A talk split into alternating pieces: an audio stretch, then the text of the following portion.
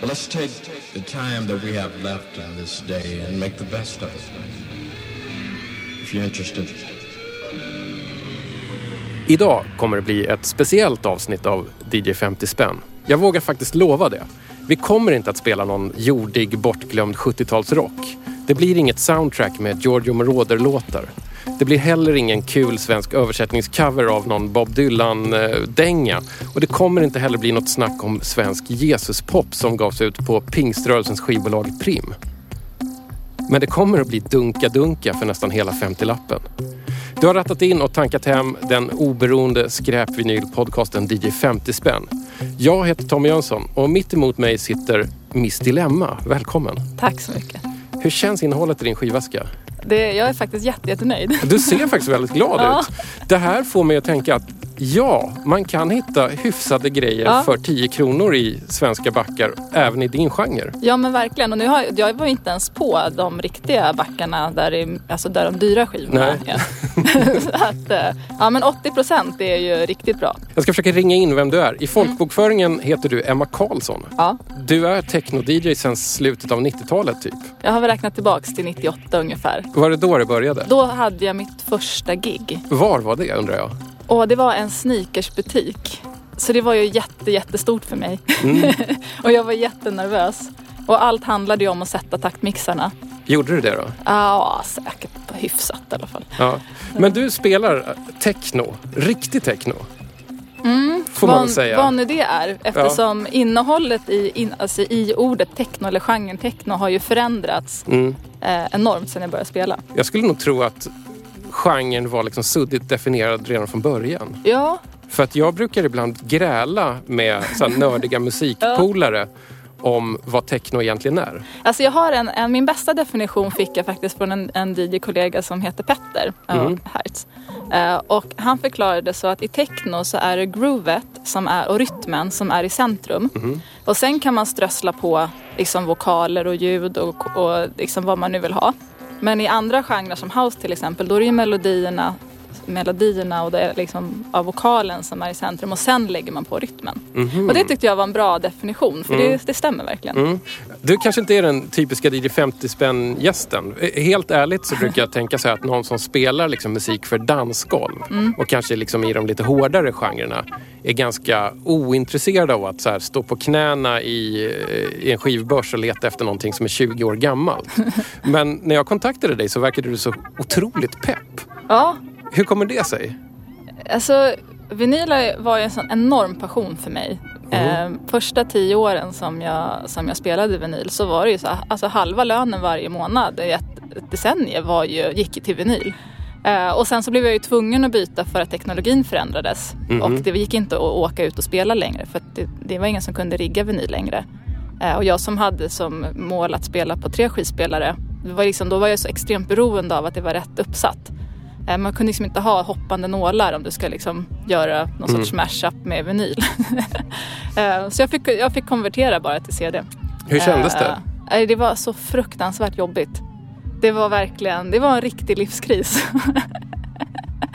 Det är ens uttrycksmedel som artist. Det är som att så här, här har du en gitarrist och sen bara, nej men nu måste du spela trummor.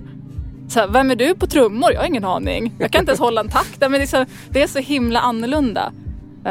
Det tog mig kanske två år att känna att så här, men nu börjar jag liksom hitta mitt uttryckssätt i CD, eller som det var då, men digitalt. När och var hörde du techno första gången? Det var nog mer, det hette Progressive Trance då. Jag ska mer Progressive House idag, men det var Sasha och Digweed som hade en skiva som spelades i en klädbutik som jag jobbade i, mitt första jobb. Ah. Och jag verkligen så här, wow, det här är liksom äntligen musik utan dålig text. Som bara är bra musik. Eh, och så sprang jag ner till, till skivbutiken då där de hade köpt den här skivan. Jag frågade direkt vad det var för någonting. Och det var Pitch som var våran eh, största liksom, DJ-butik då. Mm. Och så fick de visa mig så det här är pitchen på vinylspelare. Okej, och så ja. köpte jag några vinyl och hade inte en spelare. Jag bara blev såld på, på musiken. Jag hörde techno, alltså, och techno liksom presenterad som techno för första Mm. gången av misstag egentligen. Intressant. Jag och några vänner skulle gå till en reggae-klubb som fanns i Stockholm på en bakgata bakom Hötorget som hette, jag tror att den hette Natty Dread. Jag är inte säker. Vi gick dit för att de spelade så här dancehall och ragga som Ja. var liksom stort då. Det här är runt 1990. Ja. Men en dag när vi gick dit så tyckte fan, var är alla reggae-fansen? och så gick ner, vad konstigt musiken låter. Och så gick vi ner på, och så var dansgolvet liksom, man såg ingenting. Det var bara stroboskop och eh, rök. Och folk som dansade liksom i spasmer till någonting som bara så dunkade på. Alltså jag hade ju hört kraftverk, jag hade hört synt och sånt innan. Men det här var liksom ändå en annan feeling på det. Och där började jag tycka så att wow, det här är någonting helt annat. Ja. Hade jag inte gått ner i den källaren den här Nej. dagen då hade jag väl fort- fortfarande varit galen i dancehall. Jag vet Just inte. Ja. Men du fastnade. Jag, jo, jag fastnade. Mm. Det är väl inte så att jag bara lyssnar på techno och sådär. Men jag har alltid haft en, ett gott öra till alla det. former av elektronisk musik. Just det. Men det här var första gången som jag förstod att det var liksom någonting som ska höras i ett enda långt flöde som Just aldrig det. tar slut. Ja, just. En ny grej i DJ 50 spänn är att jag ber gästen att ta med sig en egen skiva till programmet. En skiva som kanske har betytt mycket i livet. Eh, och det är lite för att gästen ska få en sportslig chans att spela lite bra musik också. Och kanske att den också kan presentera gästen lite grann. Vad tog du med dig, Emma? Jag tog med, nu har jag faktiskt glömt bort vad den heter. För jag, jag målade ju över alla etiketter för att det var, ju, man var ju, det var ju viktigt att hålla koll på sina skivor. Ehm, Jag kan berätta, Emma, Ja, att du har tagit precis. med dig Umex Body Counter EP. ja, det är Body Counter den heter. För Umek vet jag ju att det är. Det här var den typ av techno som jag spelade när jag började spela riktig techno. Mm. Eh, och eh, väldigt hård, industriell, smutsig och riktigt, riktigt aggressiv.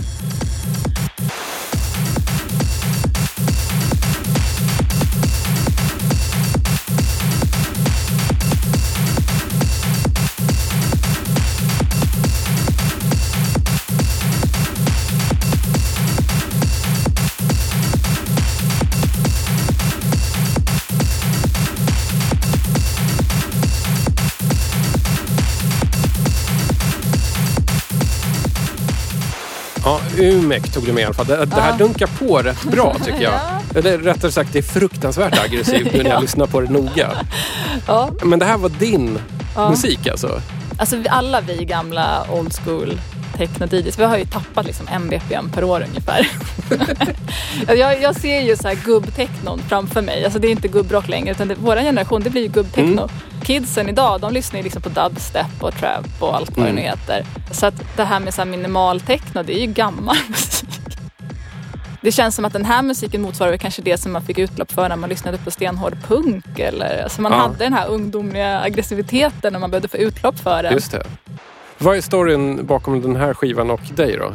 Dels var Umek min absoluta favoritartist. Eh, eller en av dem ska jag säga. Just för att han hade det här smutsiga industriella soundet på sina låtar. Ganska lekfulla bas och liksom rytmer i, i inte bara den här enkla liksom 4-4 utan det hände lite mer.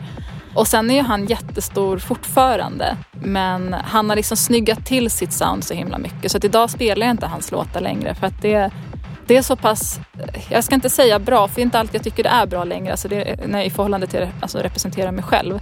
Men det är så snyggt så att det blir tråkigt. Mm. Eh, och jag kan känna lite samma sak med, eh, med drumcode, fast jag tycker att drumcode håller mycket högre kvalitet på sina låtar. Det är så fruktansvärt bra. Så det blir liksom så här, hjälp, det är för fantasilöst det här. Det är liksom, jag vet att det kommer funka, alla kommer älska det, det låter fantastiskt eh, och alla kan spela dem. Och jag tror att den här eh, liksom vinyljägaren liksom från den tiden som ändå vill ha någonting exklusivt i sina set.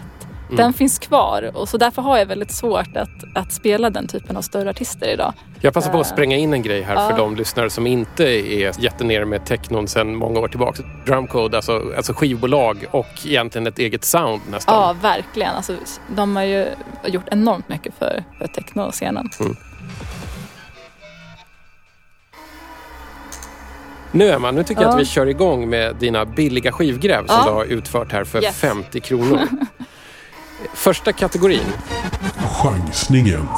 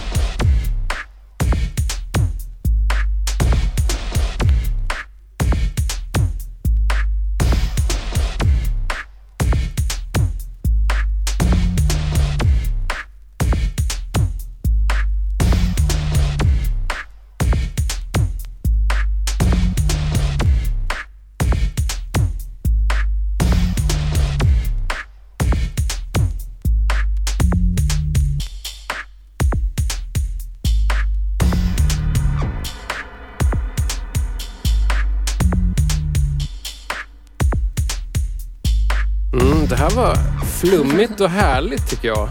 Jag var ju tvungen att plocka den dagen jag såg att det var en Andrea Parker remix. Ja, just det. Eh, och eh, hon var ju den första kvinnliga DJn jag sprang på. Aha. Och då var det hennes eh, skiva från DJ Kicks som jag verkligen kan rekommendera. Det är en av de skivorna som jag verkligen eh, fortfarande spelar Mm. regelbundet och mycket, mycket bra låtar. Det är Mm. ett fantastiskt kreativt eh, album.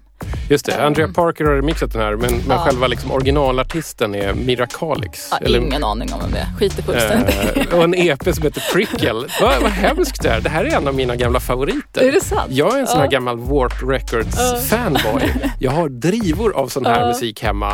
Konturlös, lite flummig, lite arty. Ja. Du vet, Men det är elektronika. bra, för nu får du lära mig. För det här, är, det här är en helt ny värld för mig. Det här är väl som, som om du tänker liksom Aphex Twin, Ja. fast lite l- mer lättuggat Ja. kanske. Aphex Twin-musik som du inte får mardrömmar av. Ja. Men jag blir också glad av att det är en Andrea Parker-remix. Fast jag vet inte. Jag har alltid tänkt att Andrea Parker är liksom lite mer elektroartad än så här. Ja men absolut. Hon, det här, hon, vad jag har förstått så har hon varit väldigt kreativ generellt. Hon Mm. bland annat gjorde ju något projekt med någon symfoniorkester och mm. liksom Mm. väldigt artistisk på det sättet. Inte så klubborienterad. Utan jag föll för hennes mörka sound och sen så var det nog så, så simpelt att men det här med förebilder, att jag var väl 19 eller 18 eller vad jag var Mm. och gillade den här musiken, förstod att det var viktigt för mig men jag hade inte sett mig själv, liksom, jag hade inte definierat mig själv så att jag kunde bli DJ. Det var liksom, hade aldrig, fanns liksom inte i min, i min värld på något sätt. Sen när jag höll den här skivan med, med henne då som DJ, då, det var liksom då det gick upp för mig att det här kan jag ju också vara. Ah, och då blev mm. jag det från en dag till en annan. Om du vill att jag ska vara liksom så här, en lite mästrande manlig besserwisser här så kan Ja. jag berätta för dig lite grann om Ja. Mirakalix. Ja, Hon- gör det. Jag tror att hon från början faktiskt var liksom så här presstjejen på Warp Records. det här Mhm, det är så bolaget. pass till och med. Men hon höll på med musik också och Ja. började producera och började släppa grejer. Och då, vid den här tiden då, vi snackar väl så här 90-tal, kanske slutet på 90-talet, så funkade den här musiken så bra. Mm. Ja. Och många gick ju, däribland Ja, jag, det. och köpte skivor som, med Warp-loggan på Ja. bara för att jag visste att det fanns sånt här på Ja. det. Eh, nu för tiden, det här var jag tvungen att kolla upp, Ja. men nu för tiden så har hon dragit ner lite på skivmakandet och Ja. istället blivit en så här ljudkonstnär. Så hon bygger så här ljudinstallationer. Spännande. Ja, man fattar ju när man hör det här att hon skulle bli en sån kanske. Ja, precis. Jag kan ju känna att det är lite symptomatiskt från min sida också. Det är såklart jag inte skiter i vem man är. Men, men generellt sett så, så skiter jag rätt Ja. mycket i artister. För Men- att jag vill bara höra den låten som Exakt. jag gillar och kan använda. Men det är väl det som är lite Eh. speciellt, alltså kanske i så klubb och dansmusik Mm. generellt, men kanske lite extra mycket om man kollar på just Mm. technofältet. Att vem det är som har gjort låten. Du har ofta inte ett ansikte på den. Nej, Det är ibland som att artistnamnen är så lika varandra att du inte har någon aning om. ja. Utan det är ju mer tidigare. skivbolagen som man, man Ja. har koll på. Att det, är där, det är där stilen definieras. Och sen såklart nu är ju, är ju artisternas namn viktigare och viktigare. Det har Mm. väl med liksom, den digitala eran att göra generellt. Det är ju, Mm. Man behöver ju hålla koll på artister idag för det är där du hittar, hittar ny musik. Men bo- skivbolagen är fortfarande en jätteviktig del. Alltså Vilka är dina favoritskivbolag då? Jo men jag har ju definitivt eh, Kari Lekeberg som jag hittade den här. Hans counttrack som är mer breakbeat-aktigt som var väldigt viktigt för mig i början. Eh, och eh, även hans hybrid-bolag har jag en hel del av. Mycket lekfullt. Mm. Eh, sen har jag ju fallit för ett bolag som heter 50 Weapons som Mhm. hade lite spännande koncept att han, de skulle bara ge ut 50 låtar. Mhm. Och sen har de gjort det nu. Och lagt ner bolaget. Ja, och lagt ner. Och där har jag hittat väldigt mycket eh, spännande saker. Men digitalt så har det ju flyttats över till, till mer artister, Mm. helt klart. Nu tycker jag det är jätte, ett jättespännande bolag som heter Dirty Birds som är kanske lite mer åt det kommersiella hållet. Mycket Mm. lekfullt och lite hiphop-inspirerat nästan. Men när de gör saker som är mer house och technoorienterade, då hittar jag rätt där. Och det är Mm. ofta så jag har letat musik, att det är ett technobolag men när de gör någonting som avviker, då hugger jag den. Mhm. Eh, eller det här är Mm. ett housebolag och sen så gör de någonting mer technoaktigt, då är jag där igen. Eh, att det är alltid de liksom, låtarna jag har När de, börjar, fastnat för. när de börjar bryta sin formel lite grann. Ja, exakt. Du nämnde här Kari Lekebusch nu. Jag ser ju att det ligger en sån skiva här och väntar. Ska vi Mm. hoppa vidare till nästa genre? Nostalgiköpet.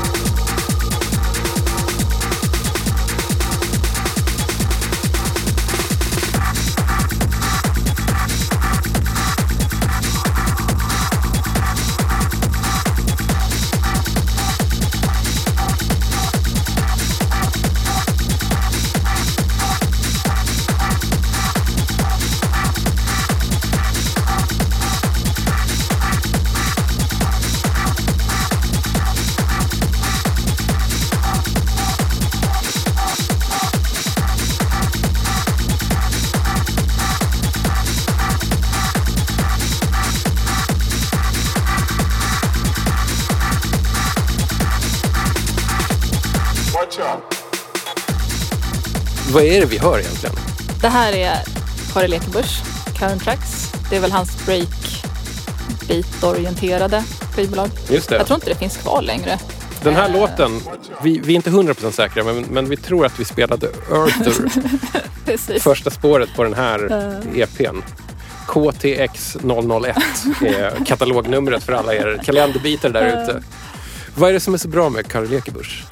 Han var en av de första DJsarna som jag verkligen fick som förebild och är fortfarande. Mm. Eh, hans lekfullhet när han mixar, hans eh, utstrålning och attityd mot publiken eh, liksom, har alltid tilltalat mig. Och är det någon jag har stått och liksom hängt över axeln och försökt och, och liksom trainspotta både låtar och mixtekniker och, och sådär så är det ju han. Jag tycker han är en av de svenska artister i alla fall som jag har sett som ut, fortsätter utveckla sin, sin spelstil och fortsätter vara kreativ på, ett, på det sätt som, som jag gillar. När han producerar och ger ut låtar så har han alltid i åtanke att en DJ ska jobba med dem. Mm. Så han lägger inte in så mycket break och så mycket grejer utan det ska DJn lägga in själv. Ja, ja. Så att det blir väldigt bra verktyg att jobba med också när man, när man spelar. Jag vet inte hur mycket jag behöver liksom fylla i här för den som lyssnar. Men Ja. alltså Ka- Kari Lekebusch, om vi bara ska säga en sak om honom, Ja. så har väl han funnits på den svenska technoscenen sedan tidernas begynnelse. Ja men verkligen. Den här tolvan då som vi Mm. spelade nu, vad betyder den för dig? Det här är en, en låt som eh, dels en av de som jag spelade mest och sen så har jag också med den på ett mixtape som jag vann en internationell DJ-tävling med. Så det var lite extra roligt att hitta just den. Jag försökte vara med i rätt mycket tävlingar i början där. För lite för att kanske få något kvitto på att jag vet vad jag håller på med i den här världen av ögon. ögon. Och för att det var ett kul sätt att nå ut också. Menar, då var det ju inte Soundcloud utan det var ju, ja vad hade vi liksom, Metacrawler som browser eller vet du, som Ja, ja, ja. sökmotor. Och Mm. Man hade ju rätt begränsade möjligheter att nå ut. Så att, så att eh, då vann jag den här liksom, månadens mixtape i den här internationella DJ-tidningen och så jag liksom synas lite där. Mm. Det, det, det kan jag säga också som ett tips att just den här mixen har du lagt upp på din Soundcloud. Ja. Så den kan man faktiskt än idag Ja, höra fast precis. den är från, vad, vad sa du för år? Åh, vad var det nu? 2004 Ja, kanske? det kan det sådär. Ja, Jag har faktiskt en, en spellista som heter Gamla vinylmixar. Och det är varierad kvalitet på dem. Men eh, väldigt ambitiösa var de. Jag hade mycket prestationsångest på den tiden. Har du inte det längre då? Nej, Nej. det tycker jag inte. Det kan ju komma över en ibland men, men eh, det gick liksom inte att fortsätta spela med den inställningen. Eh, Är du bekväm nu? Ja, lite för bekväm ibland tror jag till och med. Lite liksom nonchalant. Men, men det är så skönt. Alltså, jag, jag tyckte det var lite roligt när vi när du pratade om här dina Ja. warp-gurus och liksom hur hon så gör ljudlandskap sånt. Jag har en syster som är modern dansare Mhm. och eh, har inspirerats av hennes sätt att förhålla sig till konst. Mhm. Nu när jag liksom behövt ta musiken vidare. Så ska jag vara kvar i det här så, så behöver jag nog tänka om lite. För att det, är en press om man ska försöka leva på musik. Och det är Mm. inte alltid den pressen man behöver för att vara kreativ till exempel. Mhm. Och i den världen då kan det ju vara så här, bara, nu är vi i det här dansensemblet och så ska vi gå in i det här köket eller liksom rummet och så ska vi bara så här interagera och, den här- och liksom vara med i den här processen och sen så kan, liksom, får vi se vad det blir. och jag har försökt att inspireras lite mer av det att när man är så ambitiös som, som jag alltid är i Mm. allt vad jag än gör så ska det alltid liksom tas till sitt yttersta. Men det kan ju kväva ganska mycket av det här lekfulla. när man Mm. Det måste ju fortfarande vara roligt någonstans. Eh, Absolut, och jag höll på att döda hela min, min kärlek till musiken liksom för att jag bara kände så mycket press på att jag skulle liksom leverera något jag inte var och spela stilar som jag inte egentligen stod för. Och, så att jag fick bara så här, nu, nu backar jag tillbaka från det här. Nu lägger jag ner, skaffar mig ett riktigt jobb Ja. och så får vi se om jag tycker det är kul igen. Men utan hjärta kommer jag inte komma någonstans ändå. Så det finns ingen annan väg än bakåt för att komma framåt. Intressant. Det var här var 2008 ungefär. Ja. Det var ju också lite i samband med CD. Det kanske spelade in lite också. Mm. Ja, det funkade faktiskt. Och jag känner nu när jag liksom börjar komma tillbaks till det så är det mer det här. Så jag bara, vad kan, vad, vad, så här, hiphop, vad händer om jag mixar det med techno? Mm. Det är liksom jättespännande. Och nu dansar ju folk till sådana rytmer också. Så att nu står ju inte publiken som ett liksom, dumma fån när man sätter på någonting. Utan Ja, folk kan- tycker det är kul att dansa till sånt idag. Nu vill jag gå tillbaka lite grann här. För det, det du pratade om precis innan det. Du får gärna slå mig om jag överpsykologiserar här. Men det lät som en musikalisk livskris. Åh, garanterat. Jag har haft många. Jag har ju också haft det. Alltså det vi gör nu, det är ju 50 spänn. Det här kanske var mitt sätt att ta mig ur en musikalisk livskris. Eller kanske göra någonting av den. För att jag hade också det här beteendet. att Jag jagade ny musik som skulle vara det nyaste och Just det. coolaste och kanske ibland också det svåraste. Och en dag så bara märkte jag att det här är inget kul längre. Nej. Och då var mitt sätt bara att, okej, men jag tar ett lite uppehåll från att hänga med i de senaste släppen från eh, Köln eller vad det nu var. Och då blev det så här att ja, men jag tittar på vad som folk har slängt ut från sina hem. Som har hamnat på loppisar till exempel. Det är precis likadant för mig. Mm. Att, att jag behövde bara lägga ner det gamla och hitta något nytt. Emma, jag bad dig ju också att bara slumpa fram en skiva. Mm. Det utsätts alla gäster i 50 spänn för. Och du har kommit med någonting som har något ganska läskigt omslag här med ett hästhuvud. Visste du vad det här var när du fick upp den? Alltså jag kände igen hästhuvudet. Ja, För att det är ett, ett modernt fenomen. just det. Eh, Så det var därför jag tänkte att det här måste jag ju Ja, lyssna på. vi ger den en chans. Random Access Vinyl.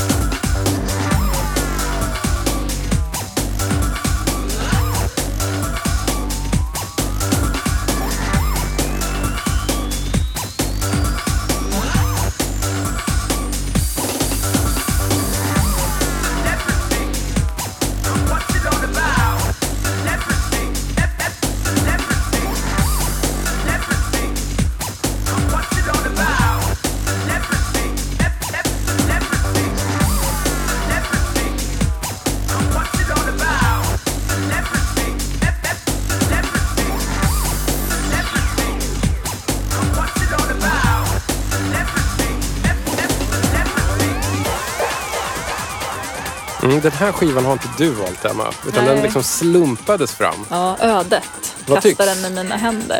Nej, men alltså den är ju bra. Ja. Mycket bra ljud. Det här är alltså Rennie Pilgrim. Det är en tolva som heter, jag vet inte ens hur man uttalar det, Celebrity Remixes kan vi säga. Ja, Från 2004. ja. Jag tror att han försöker kritisera kändiskulturen och speciellt sådana här kändisar som är kända för att de är kända. Ah, intressant. Men det är ju jätteroligt då att han har det här hästhuvudet som idag är känt i sig. men det här är någonting som du skulle kunna överväga att spela ute har jag förstått. Ja men alltså när jag lyssnar på den, jag har ju, har ju problem med vokaler rätt Ja, ofta. det. Mm. Eh, det är ju mitt problem. Men om man tog bort dem så skulle man nog kunna leka en hel del med den. Ja, Den men jag ska instrumentala. definitivt kolla upp den här Pilgrim. Mm. Du hade ju lite bra kunskap där. Ja, som grejen var så här, för jag såg den här skivan så här, vem i helvete är Rennie Pilgrim? Namnet säger mig ingenting. Jag vet inte ens om det här skivbolaget säger mig någonting. Men hur som helst, jag kollade upp honom i alla fall och då blev jag lite orolig. Han har inte lagt upp någonting på sin Soundcloud-sida på tre år. Och kollar man på Discog så har han inte släppt någonting på tre år heller. Så vad gör han? Han har börjat måla. Han, han alltså målar någon slags ganska prydliga, lite sterila, minimalistiska bilder av någon som ror eller en bil som åkt ner i en pool. Den typen av grejer och ställer ut ganska mycket. Så han verkar ha hoppat iväg från den här Ja. breakbeat-aktiga genren och satsar på det visuella nu. Men jag säger det, det är den här kreativa processen. Det man får inte överge den. Men vad tror du hände då? Tror du att han fick en musikalisk livskris? Ja, men det är det. Vi får kanske skicka det här programmet till honom. Ja, det, det här med att jag var tvungen att kolla upp vad han gör, det är ganska typiskt för mig. Jag tycker också att det är intressant med techno rent så här nördigt. Jag vet inte om du och jag är liksom väldigt olika där, för jag tänker att som DJ så, så är musiken ett verktyg eller ett vapen. Men jag brukar ju sitta och ha teorier om techno. Det finns, det finns ett jättekonstigt citat som jag sitter och funderar på ibland vad det egentligen betyder. Jag undrar om du skulle kunna hjälpa mig med att knäcka Ja. det. Chefen för det tyska mjuktechno-skivbolaget Kompakt har en gång sagt There's no music after techno. Vad menar han med There's no music after techno? Alltså med tanke på att, att definitionen av techno Ja. har ändrats så mycket Ja, liksom de senaste 20 åren i alla fall, och som jag har varit med. Så kanske inte det är så konstigt för att det är bara innebörden som förändras, inte ordet. okej. Så då kan det ju vara tidslös, tidlös musik. För att vi kommer ju bara fortsätta utveckla den här genren. Det är liksom inte, jag tror att rockmusik är mer låst. Rock är rock. Ja, Det är, liksom, det är den där gitarren, det är någon som sjunger, det är trumset. Jag menar om man jämför, ta, ta till exempel det som ja, men Umeå-låten här som vi spelade i början. Och så jämför man det med någon deep tech som spelas idag. ja. Så det är ju helt skilda låtar. Men, det, men det går nog fortfarande, alltså det är ju fortfarande techno. Men det har följt med i sin tid. Så att jag skulle nog kunna liksom flumma ut lite och säga att, att technon är så rörlig. Eh, och så länge människor vill dansa till musik så, så kommer alltid techno vara den ultimata formen för Mm. just det. Och då kan det mutera till vad som helst Ja, ändå. exakt. Det är det som är det fina med, med dansmusik generellt. Det är ju så här att i DJ 50 spänn, det här programmet, så blir det ju ofta som någon slags pop, rock, disco, country från 70 och 80-talet när det såldes som allra mest vinylskivor i världen. Men då kommer du hit med rätt så hårda liksom, technogrejer för 10 spänn styck. Var i Stockholm hittar man billig begagnad dansmusik om man nu skulle vara så galen att man vill gå och köpa det? Alltså sneakers är ju dit jag gick direkt. Ja. Jag, jag googlade ju inte ens. Nej. Utan det är ju han som har koll och bra smak. Eh, Så det var rätt enkelt och så nära jobbet. Jag liksom frågade bara techno, vart har du det för 10 kronor? Och sen kastade jag mig över och så såg jag ganska direkt att men det här är artister jag känner igen. Det här är... Jag tyckte jag skrattade lite att det var så här fullt med gamla positiva skivbolag. Och det var ju de som svämmade över skivbackarna som ingen ville köpa även när de var nya. Jag har i och för sig lite svårt att bärsa positiva för att jag har haft så mycket kul i mitt liv till en av deras kanske mest cheesy låtar som är Ja. just Real to Real. Ja. I like to move it, move it. Ja. Den har ju sen använts så mycket i, så här, humorfilmer och animerade barnfilmer att den har blivit som Benny Hill-temat för house-generationen nästan. Men jag gillar den fortfarande. Nej men jag köper det och, och jag tycker det här säger egentligen mer om, om mig själv än någonting annat som, som allt annat. Men alltså jag är ju så extremt liksom, anal i mitt musik. Eh, så här, det är såklart att det är techno. Mm. Det är liksom, eller den här typen av dansmusik. Och väldigt lite svårt att kanske så här, sträcka mig förbi det. Eh, ja, Men kan du bli nostalgisk över techno? ja, verkligen. Och vad är det för någonting som du blir nostalgisk över då? Men det är så himla roligt tycker jag och jag får ju tänka på det idag för om jag hittade till exempel, eh, det är en artist som heter Raudive som, som är en av mina favoriter. Och han har gjort en låt som är alltså en, en ny låt men den påminner om gamla Humanoid. Och han bara har satt den där känslan så bra men det är en helt annan låt. Och jag älskar den här låten och jag har spelat den jättemycket, alltså rätt nyligen. Men jag förstår ju också att jag tycker den här är extra bra för att när jag hör den här typen av ljud så kopplar jag det till någonting. Eller när man hör en viss cowbell så kopplar man det till den här gamla hiphopen och elektron. Just det. Och den typen av ljud finns ju i techno eller dansmusik generellt. Att, att vi som har hållit på länge får ju helt andra associationer till många. Det kan ju vara en hi-hat. alltså Ja, det, ja, ja. det behöver inte vara så, så, så stora, så stora liksom, eh, uttryck. Det brukar jag tänka Ja, på. Alltså, ja. När jag träffar människor som är djupt nere i just technoträsket så refererar de alltid till modeller av trummaskiner. Men jag får ju tänka på att om jag ska spela för en ny generation så kommer inte de få de känslorna för musiken utan de måste ju få uppleva den på nytt. Mm. Och, och sådär. Så det, Hörru du, har du hittat Ja. någon skivbörsklassiker? eh, ja, det tror jag. Du har träffat precis rätt. Och jag, jag ser att det finns en, ett ton av tveksamhet i din kropp nu när jag tar fram skivan. Ja, alltså det går lite kårar längs med, med ryggraden. Börsklassikern.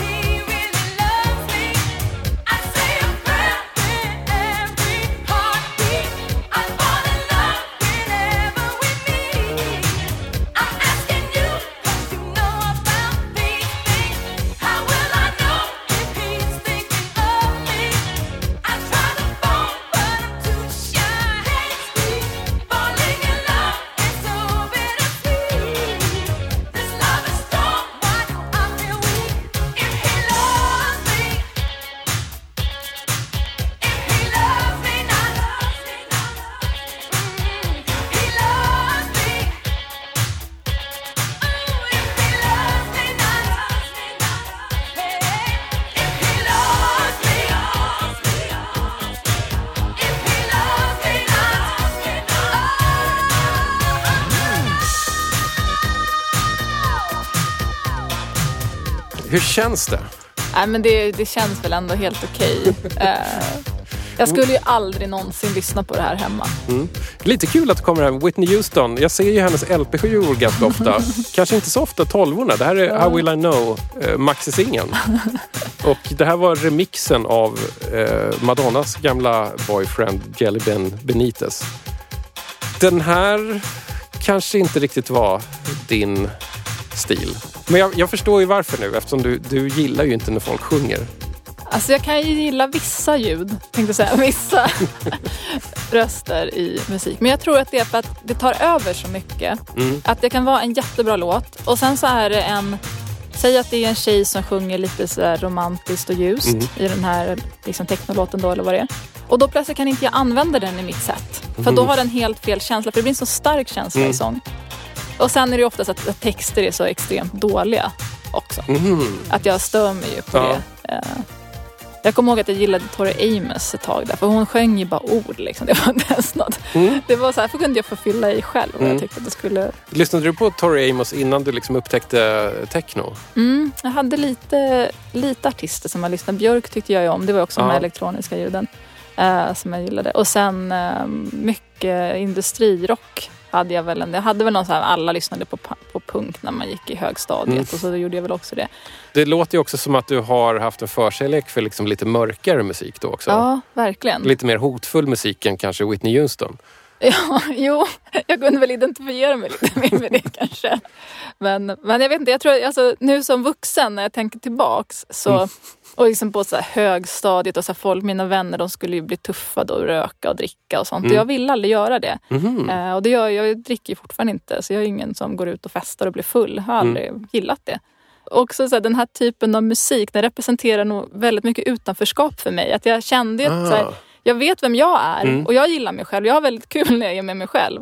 Men jag passar inte in någonstans. Så vad Mm. Aha, gör jag? ja. Att det var väldigt svårt för mig att hitta vänner där jag kände att så här, men här, här får jag vara den jag är och vi gör saker tillsammans. Så jag har gjort väldigt mycket ensam i mitt liv. Jag och, jag, och jag faktiskt fortfarande på många sätt. Så, nej, men jag, jag kan tänka mig att det, jag har något traumatiskt minne av när tjejerna i gymnasiet, vi satt hemma hos någon och så satt de och grät till Kent. Ah, Och jag okej. var så extremt obekväm med den här situationen. Vad gjorde du då? Jag satt nog och bara led. Mm, du bet ihop? Ja, jag bet ihop. Det gjorde jag. Eh, men jag skyndade mig snabbt därifrån. Eh, sen följde jag inte med fler tjejkompisar hem. Jag har fortfarande lite svårt att smälta Kent efter det, tror jag. Hör du, en skiva kvar Mm. i din hög. Fyndet.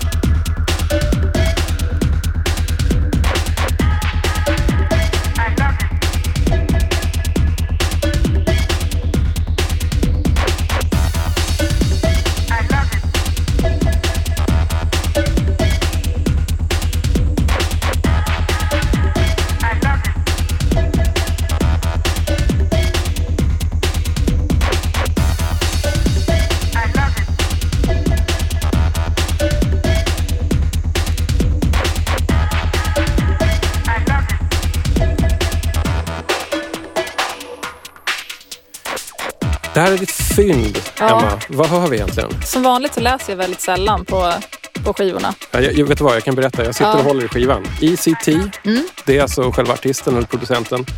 Och vi hörde eh, Afterthought, tror jag den heter, från ja, en tolva som heter Boomerang Afterthought. Carbon Recordings från 2003.